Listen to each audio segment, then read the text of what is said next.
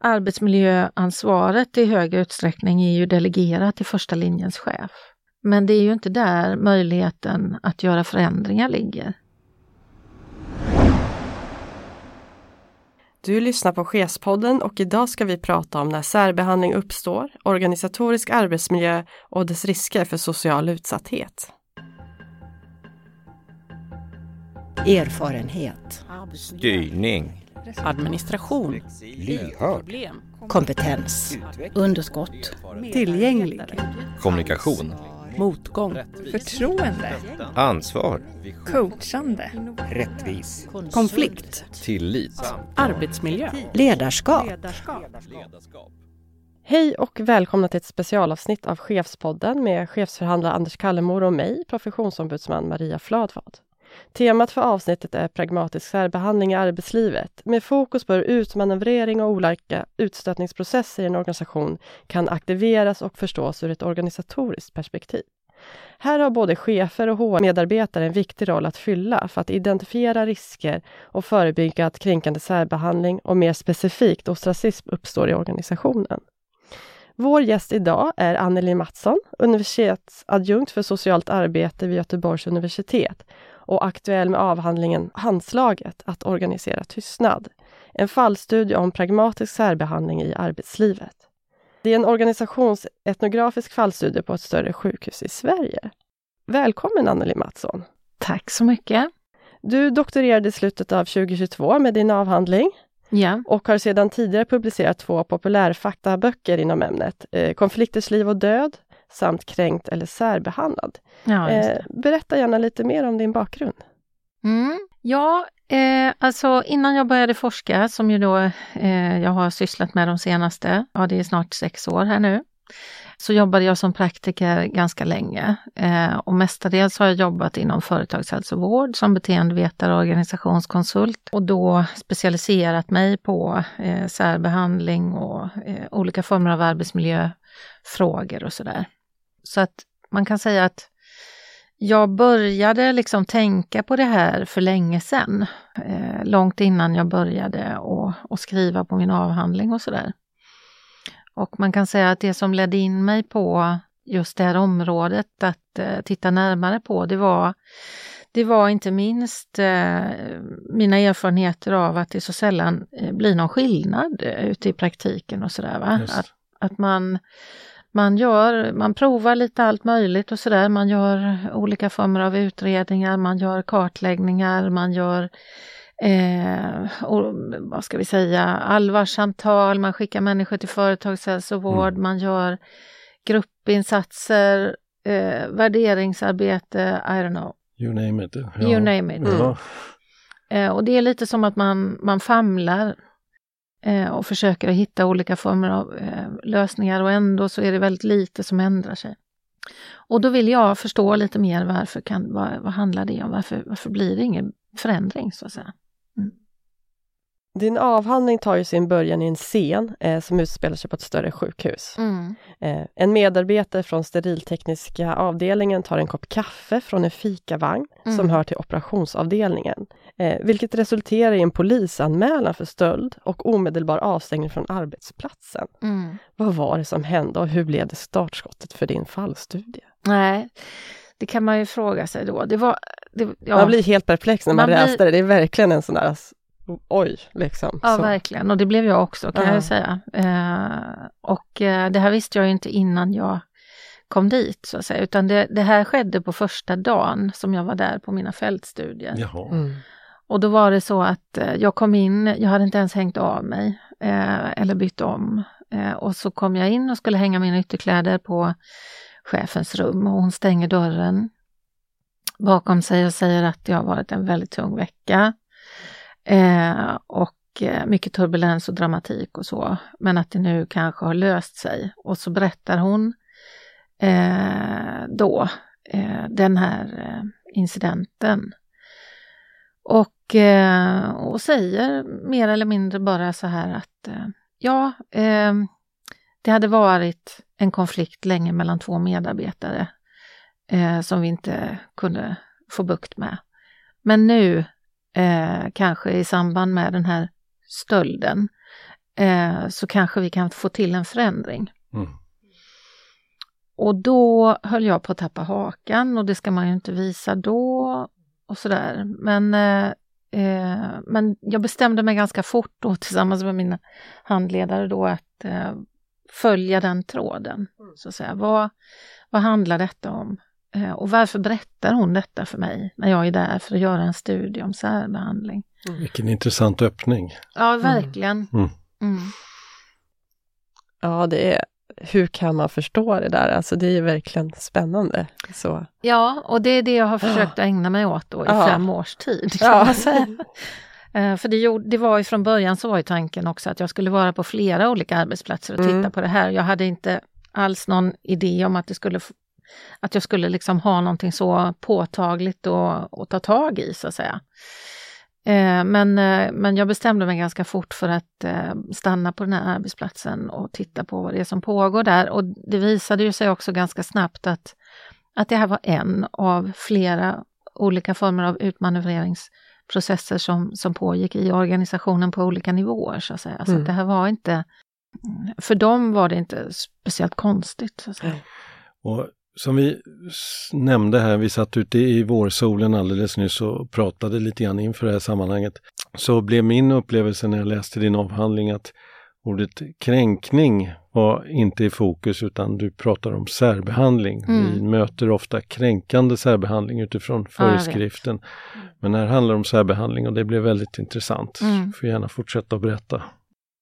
Ja, nej, men jag tänker att eh, alltså, vi har, i Sverige har vi ju det här eh, lite styltiga, den här styltiga termen kränkande särbehandling som ju egentligen inte är definierad eh, teoretiskt eller akademiskt och så, utan det är ju en juridisk eh, produkt helt enkelt som, som har blivit också vardagsprat. Liksom. Mm. Så att det är ju väldigt mycket som, som på något sätt stökar till det kring hur vi ska förstå fenomenet. Och fokus har ju också blivit eh, väldigt mycket både i praktiken och men också liksom i, i det man läser och så vidare och så i debatten att, eh, att man pratar om kränkningar och sådär. Eh, men om man tittar på särbehandling då, som ju då handlar om, alltså i, rent juridiskt och så, enligt eh, Arbetsmiljöverket så pratar man då om att särbehandling handlar om obegripliga och orättvisa beteenden eh, som, som drabbar enskilda eller grupper så att säga. Och det är ganska långt ifrån själva kränkningen, liksom att du har kränkt mig, du har sagt någonting som inte jag accepterar eller, eller så. Va? Eh, för att obegripligt och orättvist behandlade kan vi ju bli på alla möjliga sätt. Ja, liksom. Ja. Så därför så tycker jag att det var mer intressant att titta på den, den delen så att säga och sätta ljuset på det. Ehm, och eh, man kan ju säga då också att ehm, själva liksom, om vi, om vi grottar ner oss i det här med själva särbehandlingen, att bli behandlad orättvist och på ett obegripligt sätt, Ja. då handlar det ju också om att vara socialt utsatt, Mm. Mm. eller hur? Precis. Och på så sätt så, så visar ju också det här liksom att, att det är ett problem som, som jag menar har mer socialpolitisk karaktär, därför att vi är på många sätt tvingade att vara på arbetsplatsen för våran försörjning och, att, eh, och så vidare. Ehm, och eh, om vi då har villkor som vi inte riktigt, så att säga, eh, ja men som gör oss illa helt enkelt i de sammanhangen, då måste man förstå det här som, som ett eh, socialpolitiskt problem. Och om man tittar bakåt i tiden när det gäller socialpolitik så, så är det ju också så att arbetsskadeförsäkringen är en av våra första välfärdslagar eh, helt enkelt. och Så, där. så Ja. fr från början så var ju arbetsskadeskyddet, alltså perspektivet på ar arbete och arbetslivet eh, i fokus när det gällde socialpolitik. Mm. Men det, fokus har mer och mer alltså, flyttats ifrån arbetsmarknaden när det gäller socialpolitik och socialpolitisk debatt och så vidare också. Eh, vilket ju man då på olika håll i forskningen också kritiserar, att man har glömt det på något sätt eller det har hamnat ur fokus. Så ett, ett socialpolitiskt perspektiv säger du, ett socialpolitiskt problem i förhållande till det individfokus som finns idag vad det Mm. gäller eh, förövare och offer som vi Mm. ofta hamnar i när vi ska hjälpa Mm. medarbetare, medlemmar Mm. i de här frågorna. Mm. Eh, Att lyfta blicken så att säga. Att, Ja. eh, Mm. Jag tyckte att det var väldigt intressant i din avhandling just att du uppehöll också med vad är det jag tittar på och inte, just det offer förövarperspektivet Mm. och varför det är problematiskt. mm. Och det tänker jag kanske att man inte har tänkt eller problematiserat i sin vardag, liksom, utan det är något som genomsyrar ganska mycket hur vi liksom kanske ser på just då kränkande särbehandling och så. Det ligger i vår förförståelse. Mm. Skulle bara kunna säga några ord om, om det också. Mm. Eh, Eh, ja, alltså man kan ju säga att det perspektivet handlar ju om så att säga att man, att man avgränsar problematiken till att handla om en dynamik emellan ett så kallat offer och en förövare och eh, också då bystanders eller vittnen eller vad man, eh, som man brukar säga då. Eh, och det här är ju en terminologi som kommer ifrån kriminologin ifrån början så att säga, där man, där man tittar på ett brottsoffer och en förövare helt enkelt. Mm. Och, så den terminologin och teoribildningen i, i grunden kommer ifrån eh, ett kriminologiskt perspektiv Ja. på, eh, på, på, på det här. Mm. Liksom. Och det gör ju att man eh, dels riktar in sig på en specifik handling eller vad man ska säga, ett specifikt brott eller alltså någon form av liksom företeelse eh, och så vidare. Och när man, så fort man gör det så kommer fokus att hamna på så att säga eh, att leda det här i bevis därför att det ligger liksom i logikens riktning om man Mm. kommer ifrån ett kriminologiskt perspektiv och tittar på det här. Så börjar man titta på, har det hänt, har det inte hänt? Eh, vad är sant, vad är inte sant och så vidare. vem är skyldig i sammanhanget? Ja, precis. Mm. Vem bär ansvaret Mm. och kan man leda det här i bevis eller Mm. inte och så. Och då, då försvinner ju så att säga liksom själva, eh, själva företeelsen, själva det som har hänt. Eh, och, och det gör också att det enda man kan problematisera det är sånt som är observerbart och som så att säga är bevittnat eller uttalat eller så. Och alla andra saker av obegripligt eh, och orättvist eh, eh, bemötande, det vill säga olika former av särbehandling, till exempel silent treatment eller att bli avfärdad, ignorerad, eh, inkompetensförklarad och så vidare, liksom, eller så. Eh, eh, eller bara, ja men inte tagen på allvar eller, eh, eller så. Eh, det kommer inte att rymmas inom det, ett sådant fokus. Eh, och och det, det är också så att när det handlar om särbehandling så behöver man också förstå att det måste finnas ett socialt sammanhang att bli exkluderad ifrån. Alltså det vill säga eh, i förhållande till andra blir man då obegripligt och orättvist eh, Mm. och så vidare. Och det innebär ju att det är en massa olika aktörer. Mm. Så. Ja, och som jag sa till dig alldeles nyss här att eh, ju mer man läser i din avhandling och förstår det organisatoriska och samhälleliga perspektiven på särbehandling och kränkande särbehandling specifikt, ju mer frustrerande blir det att försöka förstå och rekommendera hur ska man utreda de här frågorna? Hur ska Mm. man klarlägga vad som har hänt och vilka åtgärder? Vi får återkomma till vad vi ska göra åt det. Ja, Men att förstå dina perspektiv här blir Mm. otroligt viktigt för oss som praktiker Mm. om vi ska hjälpa individer som känner sig utsatta. Så vi ska fortsätta i den vägen lite grann. Det här begreppet ostracism Ja. som är nytt Aha. för mig. ja. Ja. Det är det, det är det ju för de flesta, höll jag på att säga, som, eh, som, eh, som inte sysslar med det själv, om man säger så. Då. Nej, men, eh, eh, begreppet är ju så att säga, alltså det är ju en form av särbehandling. Det är definierat som en form av särbehandling i Mm. litteraturen och så. Eh, men det är inte så väldigt mycket utforskat inom ramen för, för just själva särbehandlingsforskningen då eftersom dominansperspektivet eh, perspektivet ligger på offer-förövare Mm. eh, så, eh, problematiken. Men ostracism är ju egentligen ett fenomen som är mer beforskat inom eh, ekonomisk historia, politisk historia, statsvetenskap och sådär och kommer ifrån antikens Grekland. Och säg, berätta, vad är Vad är definitionen? Hur ska, kan man- Definitionen En definition som är ganska genomgående eller så, som är ganska vedertagen, det är att det, det beskriver liksom processen bakom att bli ignorerad, exkluderad, avvisad eh, och också utmanövrerad. Mm. Eh, och det kommer sig av, så att säga, att det var en procedur i, i antikens Grekland ifrån början i demokratins vagga. Eh, så fanns det en årlig procedur där medborgarna fick rösta ut en medborgare som man upplevde utgjorde ett hot. Just det, Mm, det skriver de. Mm. Så det har också, det är också så att eh, ostracism har varit eh, så att säga politiskt och juridiskt Mm. eh, legitimerat i civilisationen Mm. genom tiderna. Mm. Mm. Och du menar att det tillämpas mer eller mindre omedvetet, mer eller mindre medvetet i organisationer och i organisationskulturer så som jag förstår Ja, ditt resonemang. precis. Mm. Jag tänkte att vi skulle dyka in i din avhandling lite Mm, mer ja. eh, och klä alla de här orden med liksom kött och blod, eller hur Ja. vi ska uttrycka det. Ja.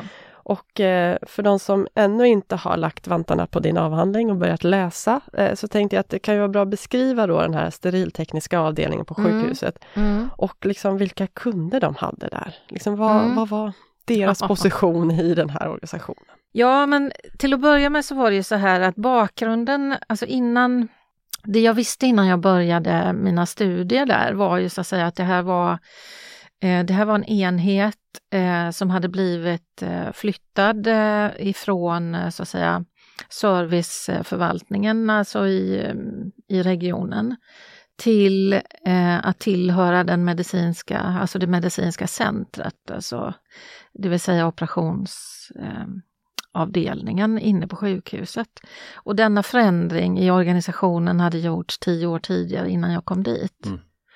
Och eh, varför man gjorde det var ju för att eh, medicinteknik blir allt mer eh, så att säga, komplicerat och Ja. teknologiskt och det har, man har så att säga utvecklat en, en profession eh, som, som är i danande så att säga, som är just sterilteknik. Då. Mm. Så att det Mm. handlar inte bara om att diska instrument utan det Nej. handlar om Det är medicinsk verksamhet på något sätt. Ja. Ja.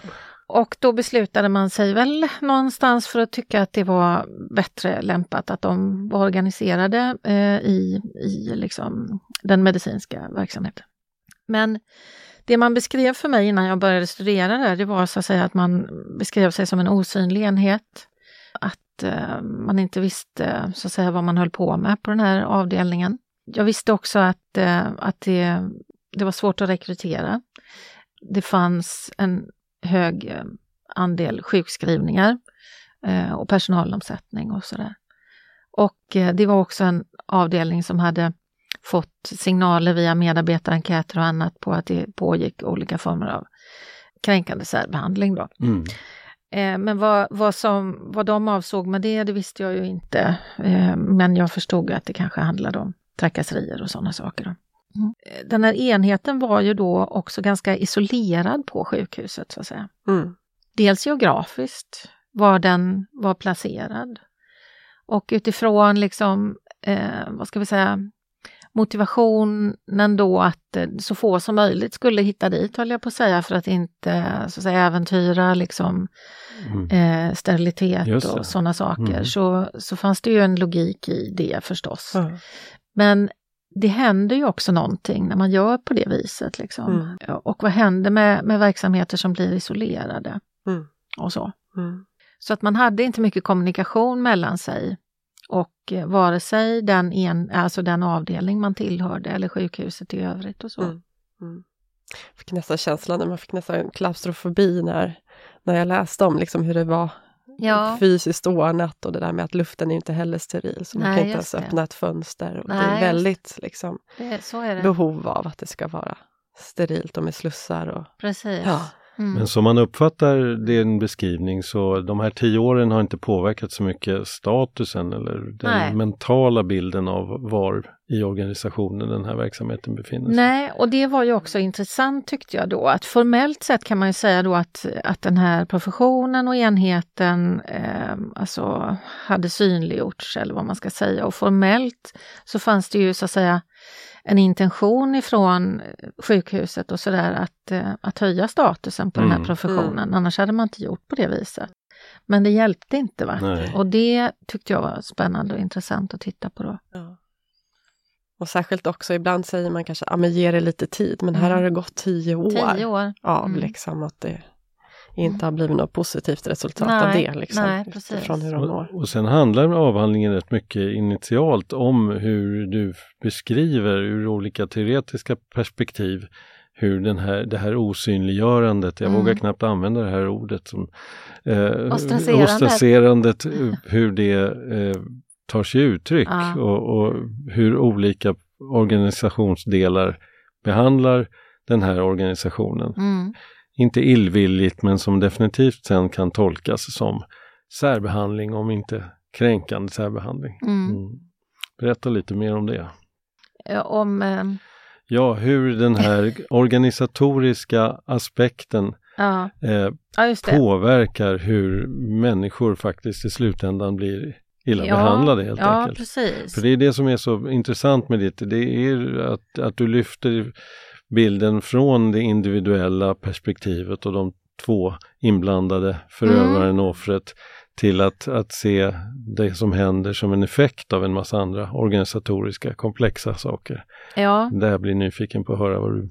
Ja, men och, och jag tror att ett, en bra utgångspunkt är just det där, eh, alltså för jag skriver ju också om, eh, om det här eh, teknologiska systemet så att säga. Eh, och, eh, Ett IT-system ett som IT. hjälper till och, och kontrollerar instrumenten. Just det. Ja. Så det jag gjorde ganska tidigt var att jag bestämde mig för att följa instrumenten ifrån så att säga ifrån eh, liksom att de ligger i sin låda och till att de kommer tillbaka till den lådan igen så att Mm. säga. Eh, och följa med på vägen och vilka olika stationer och vilka olika aktörer var involverade och så vidare. Och, så Mm. vidare. och det som blev tydligt då det var ju så att säga att ehm, Eh, alltså det här systemet är ju väldigt centralt Mm. därför att det är dit kommer alla beställningar. De kommer så att säga in som en order Mm. och eh, sedan så ska den här orden effektueras då och då så går det ut liksom eh, ordergivning internt då på den här enheten och man ska packa de här instrumenten och eventuellt beställa dem någonstans ifrån och sådär liksom. Eh, och sedan så är systemet uppbyggt så här då att man ska kunna följa instrumentens väg. Eh, och, på, och det gör man genom att varje moment som ett instrument hanterar så kommer man att scanna in det. Någon medarbetare skannar in, eh, nu gör jag det här med Mm. instrumentet. Det jag upptäckte då, det var ju så att säga att den här skanningprocessen slutar när så att säga, instrumenten checkas ut ifrån steriltekniska enheten och ska in på operation. Där kommer ingen skanning att ske. Utan skanningen eh, återupptas först när instrumenten kommer tillbaka. Du beskriver det som de förvandlas, Ja. instrumenten, de får olika symbolisk be- Ja, betydelse. jag beskriver det som sätt. politiska Ja. instrument. Mm. Alltså att de får, de får en annan laddning när de är där ute på något sätt. Då är de ju liksom eh, i händerna på, på någon annan som Ja. Gör någon slags eh, helande verksamhet Mm. eller så. Och när de kommer tillbaka så är de smutsiga och kontaminerade och sådär liksom och farliga och sådär va. Och det som händer då, eftersom systemet är uppbyggt på det viset, menar jag då, är ju så att säga att kom, man kommer bara problematisera instrumenten innanför väggarna på sterilenheten. Och så var det ju också, det var ju det man Mm. beskrev, att om något instrument försvann eller, eller så vidare, så, så började man att, att, så att säga, leta efter felet inne på sterilenheten. Även om det kunde ha landat var som helst utanför Mm. så att säga. Och det blir ett sätt då att eh, skapa liksom ett negativt fokus på en hel profession.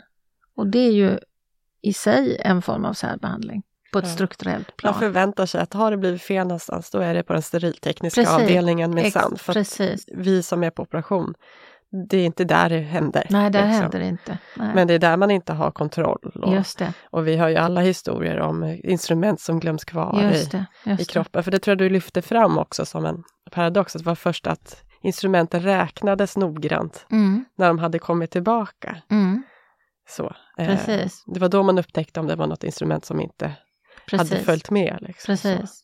Men om du gå- återgår till det här att, att eh, beskriva det här som ett sätt som bidrar till särbehandling, som Mm. bidrar till det här osynliggörandet, som i sin tur då får effekter för personalen på, på den här Mm. enheten. Hur skulle du beskriva det? Ja, men dels är det ju det här att det blir liksom ett kritiskt granskande av en profession som, som på något sätt eh, förstärks av liksom rutinerna och det, det, de administrativa systemen och så vidare. Eh, och, så. Och, och det skapar ju också rykten Mm. eh, kring, eh, kring de här personerna. Det fanns förfärliga rykten. Eh, som eh, bland annat en, en intressant grej just som är kopplat till det här, eh, det var att produktionschefen eller driftchefen eller vad det heter för någonting, där på den här enheten berättade om att det hade kommit eh, så att säga en massa avvikelser på instrumenten, att det fanns blodrester kvar på instrumenten, att de inte var ordentligt rengjorda. Mm. Och eh, han tittade närmare på det här och såg att det var inte blodrester utan det här var rost. Mm. Och eh, eh, rostfläckarna berodde på att det var dåligt material i instrumenten och då tittade han vidare på det och eh, upptäckte liksom att de hade köpt billiga, dåliga instrument med dålig kvalitet. Och det visar ganska tydligt då hur liksom, vad ska vi säga, sociala föreställningar om människorna som arbetar på en Mm. enhet överordnar liksom att man, man hade aldrig problematiserat det här eller tittat närmare Mm. på de där blodfläckarna eller så. Nej. Ingen Man- hade man- gått in och undersökt det. Man såg lite bruna fläckar så tänkte man direkt, aha, det är de på sterilteknisk Precis. avdelning som inte gör sitt jobb och inte kan. Precis. Och sen stannar man där för man var Precis. nöjd. Ja, liksom, med så var det. förklaringen. Ja. Så det var ett ganska tydligt exempel på hur så att säga, särbehandling kan ja, men, eh, utvecklas Mm. genom sociala föreställningar som gör att man inte problematiserar eh, själva eh, anklagelsen eller Ja. själva liksom, Mm. problemet. Om Det man, man säger faktiskt så. ser liksom Ja. någonstans så tydligt med instrumentet. Ja. Att man, du kom- återkommer ju vid flera tillfällen till hur de här sterilteknikerna då som nu i organisationen är betraktade som en, en medicinsk profession, Mm, i alla fall enligt Mm. organisationsbilden, inte riktigt åtnjuter den respekten eh, och som har organisatoriska anledningar som jag uppfattar det. Mm. Mm. Ja, går det att beskriva det ännu mer? Ja, nej men jag kan ge många exempel på det så att säga. Men alltså det, det som, man kan säga så här då att genom att isolera, om man isolerar någon och interag, inte interagerar med Ja. människor, man, man kommunicerar inte, man interagerar inte, då skapas en massa föreställningar om vad det är som pågår där. mm. Och sen skapar man ett system som ska kontrollera vad det är som pågår där istället för att interagera och kommunicera. Bara där har man ju så att säga eh, gjort någonting som väldigt annorlunda mot hur man, hur man så att säga interagerar på en medar, alltså i, i ett team. Mm. Förstår Mm. ni? Att man ersätter kommunikation och interaktion med övervakning och eh, eh, så att säga gissningar kring vad det är som händer. Ja, så istället att för att möta dig Ja. som jobbar där. Och, Och i det så blir det ju så att säga, då, har, då, då kan man avfärda, då ignorerar man och man så att säga isolerar någon. Liksom. mm. Och detta, det, det som är liksom kärnan i ostracism är ju så att säga just det här att, att någon eh, blir behandlad som att man inte existerar. Mm. Ytterligare ett exempel som jag tycker går att koppla till det här är ju den här vagnen som vi Mm. också pratade om lite grann som kommer in Just som ett det. exempel Ja. som förstärker bilden av att här kan andra delar av organisationen ta sig friheter att bestämma saker inom ramen för den här gruppen. Just det. Eh, Ska jag säga något om jag vagnen? tänker att den illustrerar väldigt väl det du Ja. varit inne på kring det tekniska. Precis, och det här det är ju också någonting som jag är inne på i den här, vad ska vi säga, det här med rumslig organisering och så där Mm. pratar jag om i avhandlingen och sådär. Och då, den här vagnen var ju väldigt speciell för då, alltså själva enheten eh, breder ut sig över tre olika plan och det är ganska stora Mm. ytor och många rum och så vidare och så där. Och på en plats eh, eh, på, i, i ett sånt här allmänt eh, utrymme så stod det en, en vagn där det kommer in eh, galler med olika eh, instrument och sådär. Mm. Och så var det hängt en lapp på den här vagnen, eh, rör ej, och så stod det namnet på en person, eh, denna persons arbetsplats. Och denna person tillhörde inte den här enheten Nej. utan var, eh, tillhörde någon av de kirurgiska liksom, eh, specialistavdelningarna. Därför att det var också så att man skickade ner, eh, på eget bevåg så bestämde man sig för att eh, de här sterilteknikerna kan inte hantera våra Mm. speciella instrument och man skickade då ner eh, egna personer för att hantera dem på avdelningen. Och det här var ju inte, det här var inte inom ramen för så att säga liksom arbetsledningen eller så, utan det, så här gjorde man. Och alla eh, anpassade sig efter det också. Så när, man, när jag frågade om den här vagnen och vad gör den där och Ja. vad då, vems arbetsplats är det och sådär. Ja. Så förklarade man just det här som om det är självklart Mm. Mm. att göra anspråk på någons, eh, på, på en annan, eh, en annan enhets eh, rumsliga resurser. Ja, Mm. och också säga så att vi har egen personal som inte jobbar med det här varje Precis. dag, men den är bättre kvalificerad än alla ni som jobbar med det här Mm, varje dag också. precis, så och just, inte reflektera över det. nej, eller? precis. Så just det här, alltså man handplockade också personal, för det var ju också så att säga att man kunde välja ut några som, ja det är okej, du, kan, du kan göra det här. Eh, och det gör ju också någonting med de som jobbar där, så att säga. Är man utvald eller är man inte utvald? Så, Mm. att säga. så på så sätt så, så visade det sig liksom att den här särbehandlingen eh, inte bara sker liksom visavi individer, utan att det, att det är ett sätt som eh, systematiskt eh, liksom ingår i arbetsdagen. Mm. Och det är ändå mer intressant att det sannolikt inte är medvetet eh, elakt eller Nej. attackerande på något sätt utan ett, ett eh, integrerat sätt att tänka kring ja, Jag tänkte också eh, återkomma, vi nämnde det lite med deras IT-system och så, och hur de skannar. Eh, för jag tänker att liksom, i, i våra arbeten så förekommer ju fler och fler tekniska lösningar och dataprogram för olika arbetsuppgifter. Och på det här sjukhuset använder man ju på den steriltekniska avdelningen då ett program för att Mm. hålla koll på steriliseringsprocessen och de kirurgiska verktygen. Mm. Men det blev ju också ett sätt att just kontrollera medarbetarna på enheten. Ja, Det det. användes på ett annat sätt också rent liksom, socialt. Just det. Precis, och då det är här reproduktionen kommer Mm. in, tänker jag då, ifrån liksom en nivå till en annan, så att säga. Mm. För det man kunde se då, det var ju att eh, medarbetare granskade eh, varandra också i det här systemet. Eh, och man var inne och scrollade ungefär som man gör på sociala medier. Vad har den gjort vad har den gjort och så här liksom. Och prata om varandra på det sättet också att eh, eh, den har inte gjort tillräckligt många, eh, vad det nu kan vara för någonting, Mm. moment och så. Och, eh, och det spred ju sig, eller det var ju också så att säga det fanns en upptagenhet kring medarbetarnas eh, så att säga, de var upptagna av eh, rädslan för att göra fel. Och det var ganska genomgående i kommunikationen, både på plats, alltså i, när de pratade med varandra och så vidare och eh, i intervjuer och så med mig sen då. Men, eh, men framförallt i det dagliga arbetet, att man var rädd för att göra fel. Mm. Man undvek att hantera vissa instrument för att man inte ville ha kritik och så. Ja. Vad fick det för konsekvenser då på individnivå och organisatorisk nivå? Ja, på individnivå så skapar det ju stress Ja. förstås. Alltså att man går omkring och är konstant liksom, eh, orolig för att, eh, att man ska göra fel. Det skapar ju en, en stress, ohälsa. Mm. Eh, och eh, ja, på organisatorisk nivå så, så gör ju detta också att det, blir, det kan ju bli en fara, eh, tänker jag.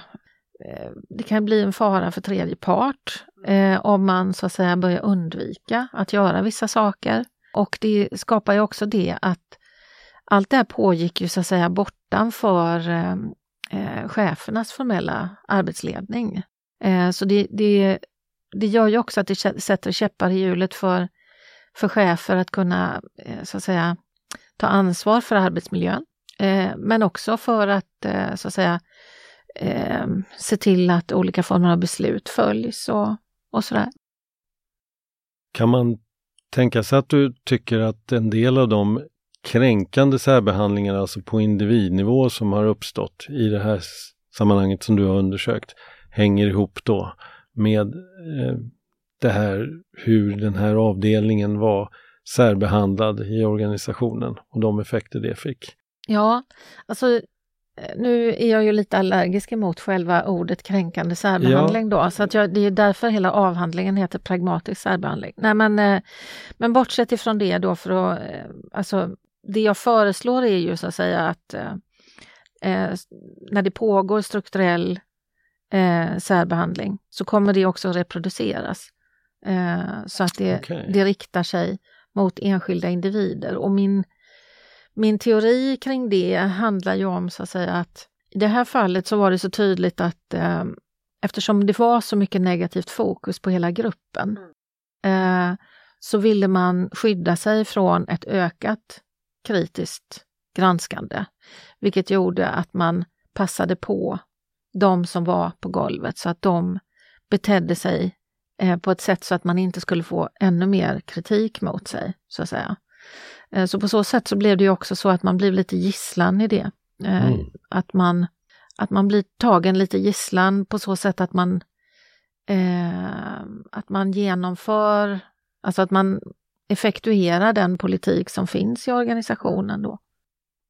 Jag får liksom bilden av att man inte ska sticka ut och liksom att ingen Mm. får avvika från gruppen. Nej, precis. Så att man ska... Det fanns ju också ett fokus på liksom, eh, så att säga att man... Det fick inte bli någon sandlåda, sa man. man fick inte, folk fick inte skratta för mycket för jobb, på jobbet. Eh, Så att säga, man skulle hålla sig till uppgiften, man skulle... Eh, och så vidare. Och så vidare. Och det fanns en föreställning om att unga, unga medarbetare kom in och inte tog sitt jobb på allvar och så vidare. Och jag såg inget annat än väldigt seriösa människor Mm. som gjorde sitt jobb Ja. hela dagarna. Det var inte så att jag bevittnade någon slags lekstuga eller så. Men sen tyckte du också att det förstärktes utifrån policydokument vad jag förstod. Mm. Att den här eh, uppfattningen som man försökte leva efter på den här enheten också kom till uttryck i övergripande formuleringar. Ja, just det. Tog jag det rätt? Ja, eh, alltså det jag upptäckte för att det var inte meningen att jag, jag hade ingen tanke på att jag skulle titta på sådana saker som varumärkespolicy när jag började min studie eller så. Eh, det, det fanns inte på kartan men, men eh, jag började att titta på eh, rutiner och policy för hur man skulle hantera särbehandling för jag ville se om de här sakerna eh, så att säga, låg de innanför ramen för, eh, för det som stod i, i styrdokumenten eller inte. Och eh, då till att börja med så visade det sig då att rutin och policy för särbehandling var en del av kommunikationspolicyn.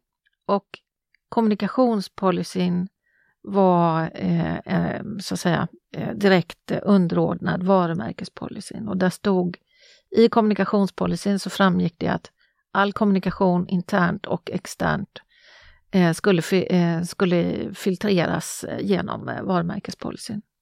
Så det blir ju en ordning då Mm. som gör att, eh, att man kan bara kommunicera om det ligger i linje med, med varumärkespolicyn. Och då, när man tittar på varumärkespolicyn då, för då blev jag ju nyfiken på den förstås. Och då visade det sig att i det här fallet så var det liksom en, en varumärkespolicy som väldigt uttalat eh, hade eh, starka perfektionsideal. Och om man bara ska kommunicera om att man är perfekt så blir det inte möjligt att kommunicera om brister i arbetsmiljön och eh, olika former av... Intressant observation. Verkligen. Ja, eller hur? Ja. Eller ja. Eh, så, att, så, så på så sätt, och, och eftersom de var så knutna till varandra också, de här policydokumenten och sådär, så blir det ju på något sätt, eh, då, då blir ju så att säga, eh, då blir det ju styrande helt enkelt, vad som står i den där policyn. Jag tyckte också det var spännande, för vi stod i den policyn också hur man skulle kommunicera, att man skulle kommunicera som ett sjukhus och Just inte det. lyfta fram eh, olika typer av eh, expertisgrupper och sånt, utan Mm. man skulle kommunicera som en röst utåt. Ja. Men sen hitt- Samtidigt. samtidigt så gjorde du fynd på hemsidan bland annat vad man Ja. hade lyft fram Ja, eh, kring de här kirurgerna var det va? ja en, en speci speciell eh, kirurgisk enhet då, Mm. som jag döpte om. Eller, Ja. ja. så här. Men, eh, och, då, och det var ju den enda man lyfte fram och då var det ju liksom någon, någon sån här, ja, det var jättemeriterande och man var med i något globalt nätverk och allt vad det var för någonting Ja. och sådär liksom.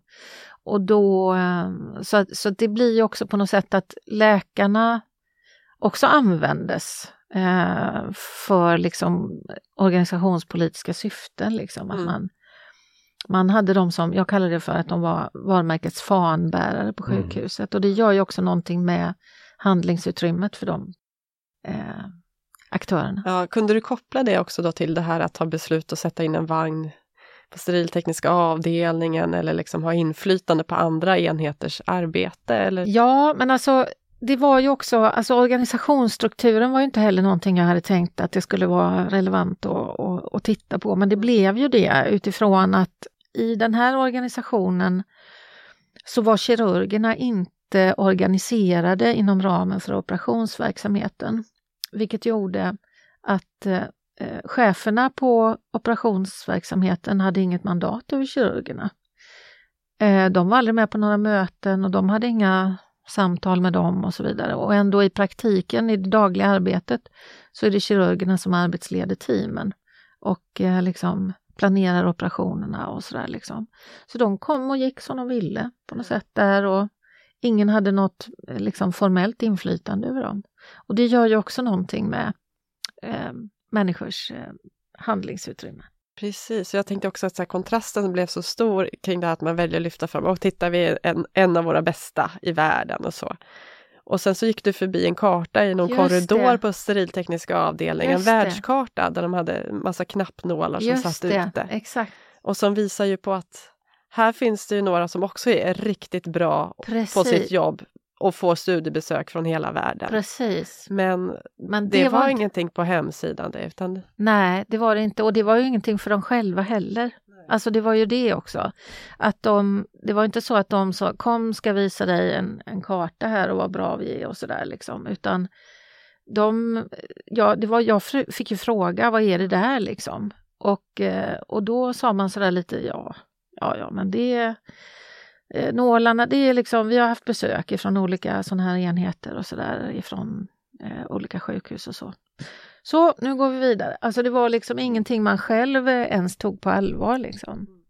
Det som är så jättespännande med din avhandling det är när vi pratar om det systematiska arbetsmiljöarbetet och framförallt då OSA-föreskriften, organisatorisk social arbetsmiljö, så har ju där de här frågorna, vågar jag knappt säga kränkande särbehandling, men den delen i OSA-föreskriften har ju Mm. lyfts in för att man är medveten om att de hänger ihop. Det är organisatoriska frågor som påverkar om människor Mm.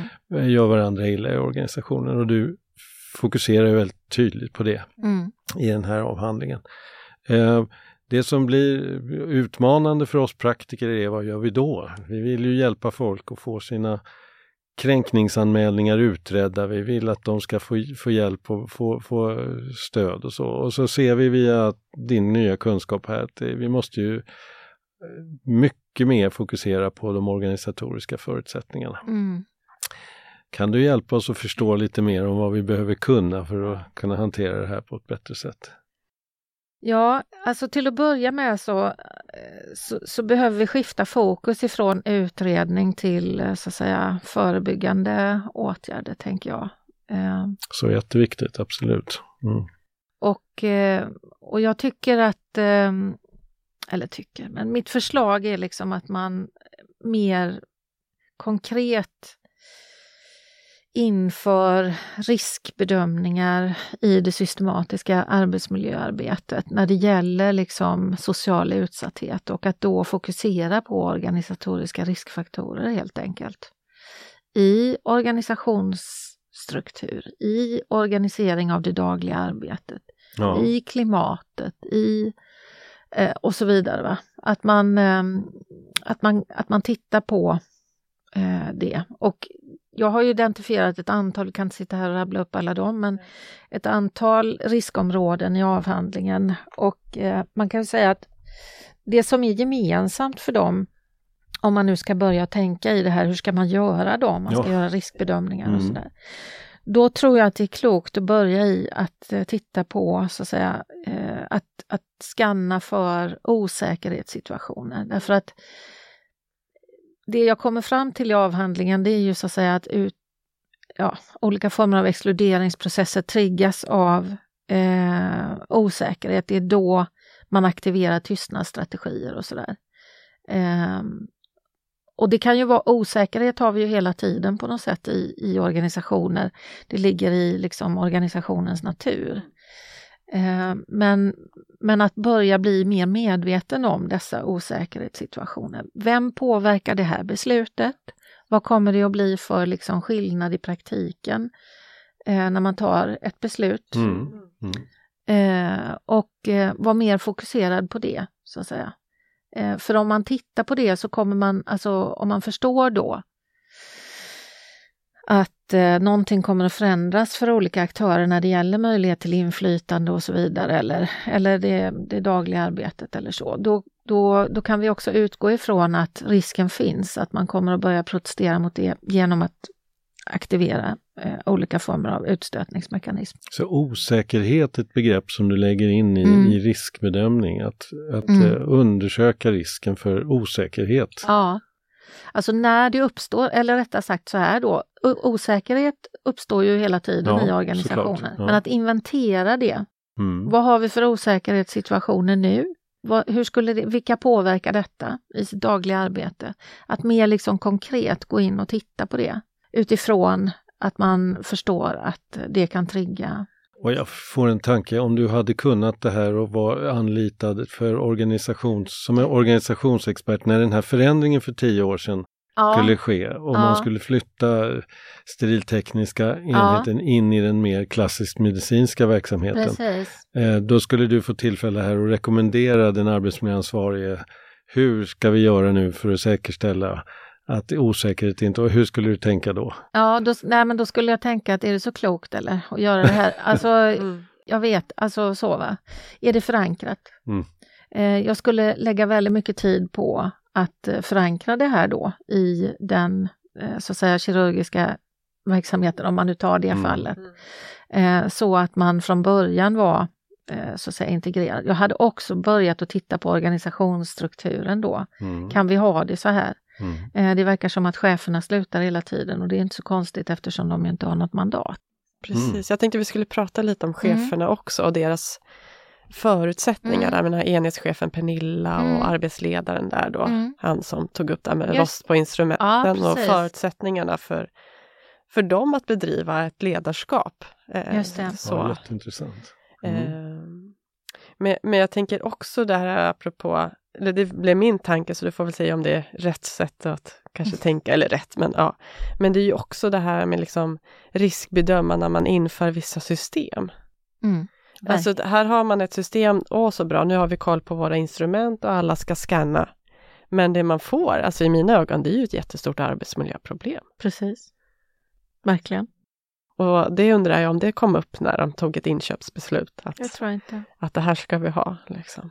Nej, det tror jag inte, för att det är ju också så att den typen av beslut fattas ju långt ifrån verksamheten Ja. så att säga. Så att, eh, Av någon som kanske inte ens tänker på mänskliga beteenden Ja. och vad, vad som händer. och det gäller ju också inköpen av instrumenten och sådär. Alla sådana saker ligger ju någon annanstans. Ja. Liksom. Ja, Men Maria var inne på det här med Pernilla och, och ja Bernt, eller vad hette han? precis, för du Mm. sa ju det här med, liksom, ja, men personalomsättningen och det var chefer som Mm. slutar och liksom eh, så. Och då tänkte jag att vi bara skulle eh, få ge en bild av eh, vad, vad var det de mötte? Den här enhetschefen Pernilla som kom in där Mm. din första dag Mm. eh, och liksom sa nu har vi stängt av en medarbetare Mm. och sådär. Mm. Hur var det för henne? Alltså, sex månader efter Mm. så hade jag ett samtal med henne. Alltså sex månader efter att hon berättade om den där incidenten med avstängningen och alltihopa det. Så hade jag ett samtal med henne och då, eh, då, började, då tog hon upp det här utifrån ett annat perspektiv. Och hon berättade om att hon hade varit på chefskurs och eh, där man hade då eh, där man hade bett dem att, att lyfta någonting som hade varit svårt eller någonting i den stilen. Eh, och då hade hon börjat gråta. Hon hade tänkt på det, eller hon hade kommit och börjat prata om det här ärendet. Och, och det hon sa då var ju så att säga att jag hade ingen chans. Alltså det här hade ju startat långt, långt innan hon, eh, hon eh, började eh, sitt jobb så att säga. Eh, I förhållande till den här medarbetaren Mm. och så. Mm. Eh, och eh, hon, hon sa det att jag, det, jag hade ingen chans för, för att oavsett vad han eller jag eller vi hade gjort eh, så hade, hade han inte blivit accepterad. Och det var ju också vad, vad den här Bengt sa, så att säga, i ett annat samtal. Eh, där han också lyfte den här situationen och så. Eh, och hon sa också så att säga att eh, alltså hon beskrev ju olika, olika situationer, det var inte bara i förhållande till den, till den incidenten eller den personen eller så, utan det var ju också till exempel hur hon skulle hantera, de hade ju liksom eh, sjukskrivningar och man hade fått så att säga på sig att man skulle sänka sjukskrivningarna. Och det man eh, hade gjort då, så att säga, det, strategin som man hade då, det var att köpa ut medarbetare som var långtidssjukskrivna för att få ner statistiken. Ja.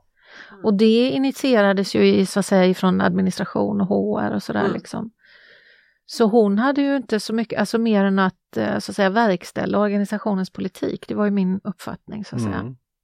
Och det är klart att man förstår också att i... eh, Alltså det som blir ett problem också det idag, det är ju att arbetsmiljöansvaret i hög utsträckning är ju delegerat till första linjens chef. Men det är ju inte där möjligheten att göra förändringar ligger. Så jag tänker att man behöver flytta upp det ansvaret till där förändringar kan göras på organisationsnivå. Så att Mm. Och det är en parallell då till ditt eh, individ, att lämna Mm. individfokuset, att prata om särbehandling och inte kränkningar Ja, och att prata om det organisatoriska i förhållande Mm. till eh, förövare eller offer. mm, Jag tänkte också det du beskrev, den här scenen där, eh, jag tror det var Pernilla och då arbetsledaren Bert, som kallas i avhandlingen va? Bengt. Bengt, Ja. förlåt. jag tror det var Bert kanske. Ja, på, Bert i skriver den jag på engelska. I den engelska, Just ja. Precis. Ja. Eh, där de har fått mandat Ja, att driva igenom en process. Eh, så. Och de kallar de andra avdelningarna eh, till det här då, det var något med den steriltekniska delen liksom. Och det var väldigt få som dök upp. Och eh, de blev också ganska ifrågasatta va? Helt och hållet Ja. skulle jag säga. Det var ett förfärligt möte. Ja. Eh, därför att det, det, tanken med det var ju så att säga att eh, de, de hade då eh, kommit med förslag på förändringar på rutiner och så. Och de hade fått mandat högt upp i organisationen. Ja men jättebra, gör de här förändringarna, ni kan leda projektet och så. Och den formella ledningen i den här tron som vi lever i på något sätt att eh, jo men människor och organisationer är rationella, vi vill samma sak Mm. och, och sådär. Vi är uppgiftsorienterade och allt vad vi är för någonting. Så tänker man att ja men det är bara att köra. Men så är det ju inte. Så.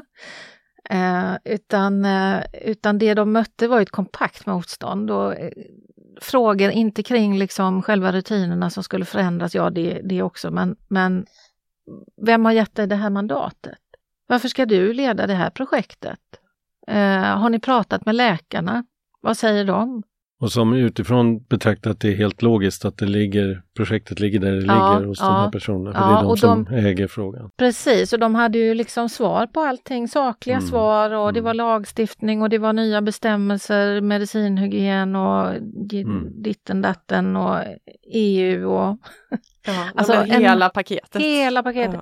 Och hon drog samma svar så att säga fyra gånger och liksom ingen, ingen respons. Och, och eh, hon hade skickat ut, eh, alltså det var, de skulle skicka två medarbetare från varje enhet eller vad det var på den där.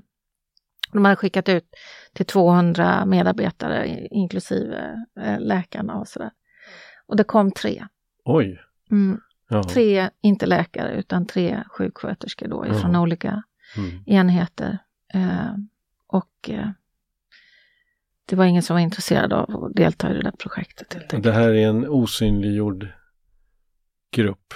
Eller hur ska man uttrycka det om man går tillbaka till ditt abstrakta Ja. begrepp? Vad är det som har be- hänt? Men det, de- som, det som händer på mötet är ju liksom en, en eh, liksom in situ ostracering så att säga, för att hon blir ju totalt avfärdad. Mm. Eh, oavsett vad hon säger så blir det liksom eh, ignorerat och det är ju också så eh, att, och, och man kommer inte dit. Och, och, och vad tror du är orsaken om vi säger så? Hur ska vi förstå den Mm. här händelsen?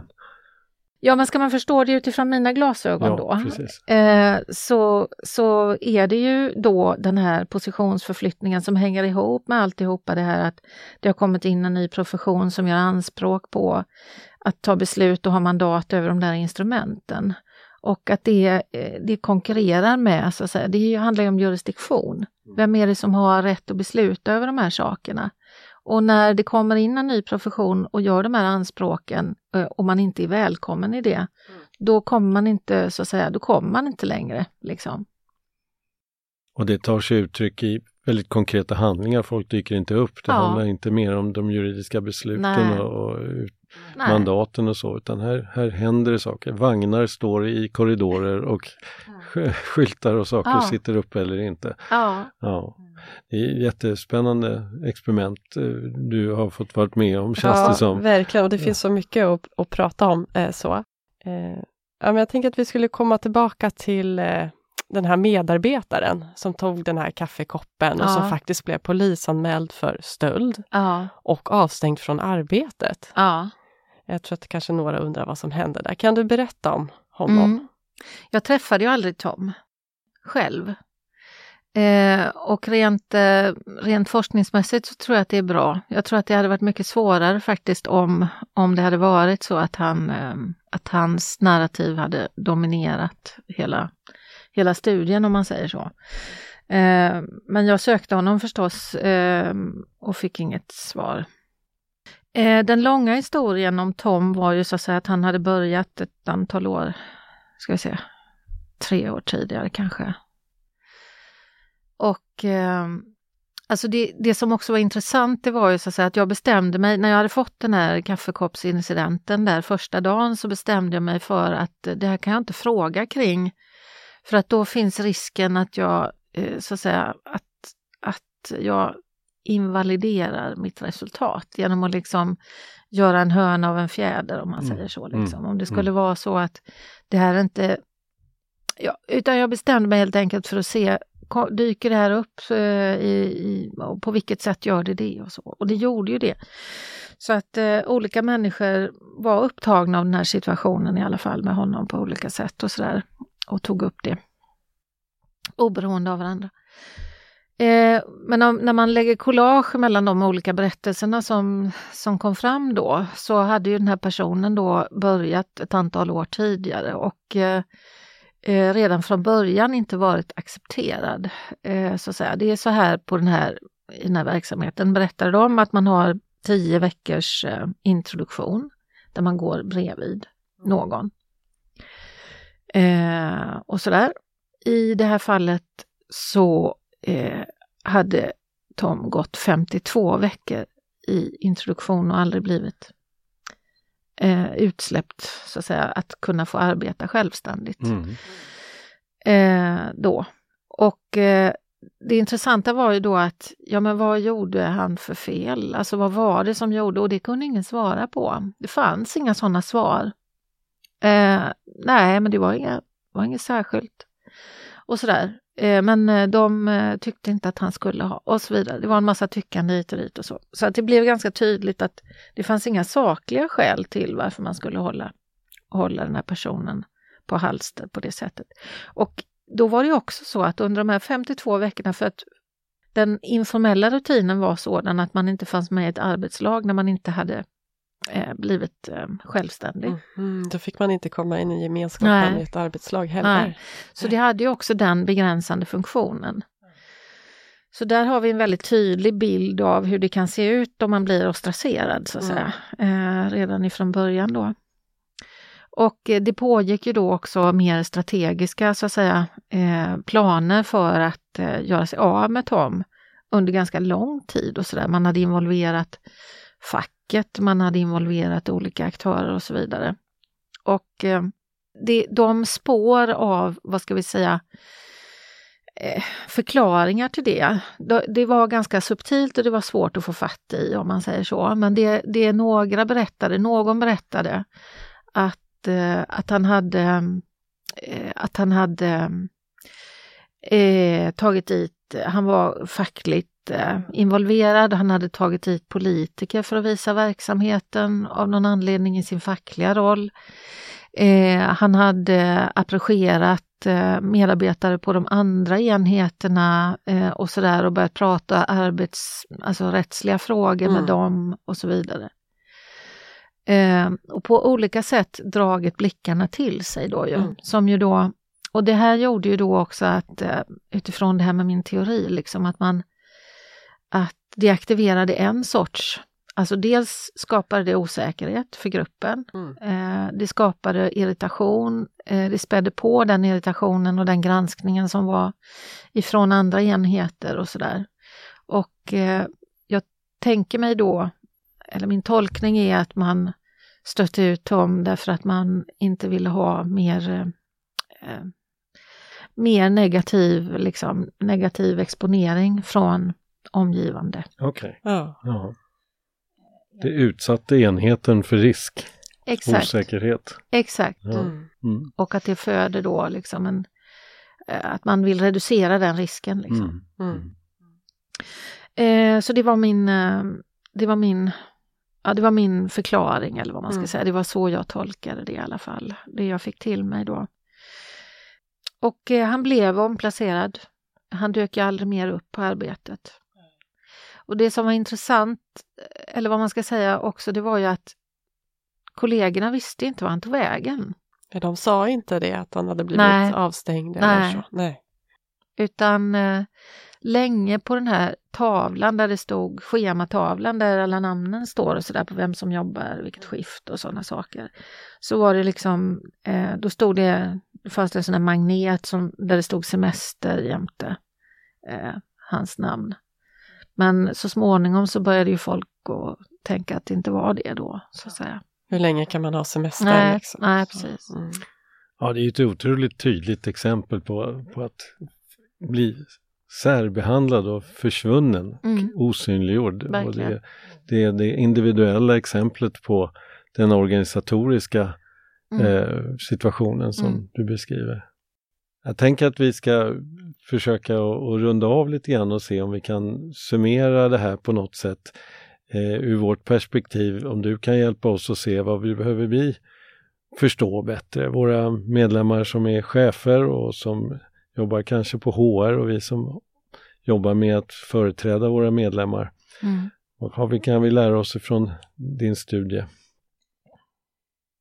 Ja, till att börja med så tror jag att alltså det viktigaste om jag nu ska skicka med någonting som Mm. ju också ligger i det här med att eh, börja prata om pragmatisk särbehandling, det är ju att kanske se att det här inte är ett resultat av aggressivt beteende. Det är inte så att människor gör så här för att skada någon eller Nej. så, utan att det, det sker i någon form av eh, så att säga organisationsstrategi i att bevara, liksom, vad ska vi säga, bevara anseendet eller strategiska intressen på olika sätt och Ja. så. Från olika aktörer och Ja. sådär. Och eh, eh, på så vis så blir, ju, blir det här ju en strategi och på så sätt så är det pragmatiskt, det vill säga det är någonting man gör för att lösa någonting annat Mm. helt enkelt.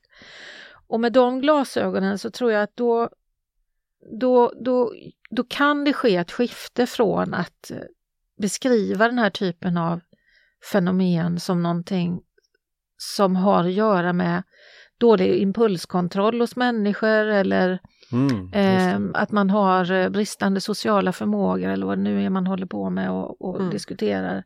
Eh, alltså på individnivå liksom. Mm. Eh, prata om det som ett avvikande beteende eller whatever. Om Tom bara kunde ändra beteende Ja, så. Ja, då så. Ja, Liksom. Ja. Eh, Eller så. Ja. Eller eh, de som eh, gör så här mot honom. Eller så. Ja, de kan ju också Ja. De skulle ju också kunna bara ha lite uppsträckningssamtal och sen hade det varit bra. Heja i korridoren och... Ja, Mm. precis. Så, men, men om man förstår då att organisationer använder sig av, av den här typen av tystnadsstrategier för att uppnå någonting, Ja. alltså, så, Mm. då behöver man lyfta blicken. Och dels behöver man ju eh, nå ut med en massa kunskap kring detta då, för att folk vet ju inte sådana här saker liksom. Varken på organisationsnivå eller så. Och det, det jag tänker också är då att man behöver komma bort ifrån det här skuldbeläggandet på olika enskilda aktörer. Mm. Enskilda aktörer, oavsett om man är chef eller medarbetare, kan inte hållas ansvarig för den här typen av komplexitet. Apropå din Mm. tanke om var ligger arbetsmiljöansvaret. Ja. Ja, och hur tydliggör man det? Ja. Och så tänker jag också då ju, det har vi varit inne på innan då, men det handlar ju om det här med det systematiska arbetsmiljöarbetet och eh, att, eh, att börja liksom göra riskbedömningar med fokus på eh, osäkerhet, tänker jag. Liksom. Mm. Det där tycker jag är en av de stora viktiga frågorna här. Vad, hur inkorporerar vi frågan om osäkerhet i riskbedömningar? Mm. Och hur tittar vi på osäkerheten utifrån ett organisatoriskt perspektiv och vad vi skapar i de förändringar, de förändringsbeslut som ska presenteras. Precis, och det tycker jag har bäring också på liksom, om man är i en HR-roll Ja, och ska titta på hur ser den här organisationen ut? precis. Eh, vad har vi för fallgropar eller riskfaktorer hos oss? Och, Mm, eh, vad kanske gör vi bra i organiseringen då? Just det. Eh, att man får med sig det. Mm. Eh, mm. Så det tänker jag är det viktiga, det, det viktiga skiftet eller vad Mm. man ska Mm. säga. Då. Just det. Mm. Och om vi skulle fråga, vi är ju ändå ett fackförbund, Akademikerförbundet Mm. SSR eh, och Svensk chefsförening då, som Mm. den här podden är inom ramen för. Mm. Vad vill du att vi ska förstå? eller göra annorlunda eller fokusera Ja, nej men, nej men det jag tänker också det är ju liksom att eh, kanske få stopp på alla anmälningar hit och dit. Liksom. Alltså, att, därför att det finns ju en fara i det här anmälningsförfarandet som man håller på med hela tiden. Och vad handlar det om egentligen? Och var kommer det ifrån? Och, så där, liksom. och det, det bottnar ju i liksom det här offer-förövar-tänket och eh, och sådär va. Eh, och jag tror inte att det, eller jag tänker inte att det är bra helt enkelt att hålla på med den typen av förfarande. Eh, så att man behöver ändra sin, sina rutiner kring liksom hur man ska hantera särbehandling. Inte utifrån liksom att anmäla varandra utan att eh, titta på i så fall risker på samma sätt som man gör om det är om vi säger så här att, eh, att man har risker i, i den fysiska arbetsmiljön Ja. så gör man ju på ett annat sätt. Då problematiserar man situationen eller Mm. där finns inget Mm. räcke eller... Man gör en bullermätning och ser Eller om man har Mm. gränser. Exakt, Ja. precis. Att, att man har samma inställning till de här frågorna. Mm. Det låter som om vi ska fortsätta att fokusera på det förebyggande arbetet och Ja. se till att vi kan undvika att detta uppstår. Ja, Så vi slipper bidra till en ökad anmälningsgrad. Mm. just det. Jätteintressant. Ja, då tror jag att eh, brukar alltid ge dig slutordet innan vi tackar av och så. Är det någonting mer du vill skicka med? Ehm. nej, men alltså jag tänker att eh, facket har en viktig roll eh, och att den kanske inte är, är så synlig eh, i de här situationerna. Eh, det är min erfarenhet i alla fall och att man kanske som skyddsombud också, eller vad man ska säga, behöver, behöver mer, vad ska vi säga, mandat att eh, involvera sig i den här typen av frågor och så. Mm. Viktigt. Ja. Mm. Vi tar med oss det till våra skyddsombudsutbildningar om inte annat. Ja, bra. Okej. Så. Tack Anneli Mattsson för detta samtal om ja, exkluderingsprocesser, offer och förövarperspektiv, organisatoriska faktorer och särbehandling. Och vi har ju rört många områden idag. Ja, Eh, så stort tack för att vi fick komma hit och spela in en podd med dig. tack själv. Och eh, i nästa avsnitt så är vår chefstrateg Hanna Broberg tillbaka och sänder en ny chefspodd. Och eh, chefspodden hittar du på Spotify och i andra kanaler där poddar finns. Tack och på återhörande. Tack ska du ha. Och tack Anders. Tack, tack.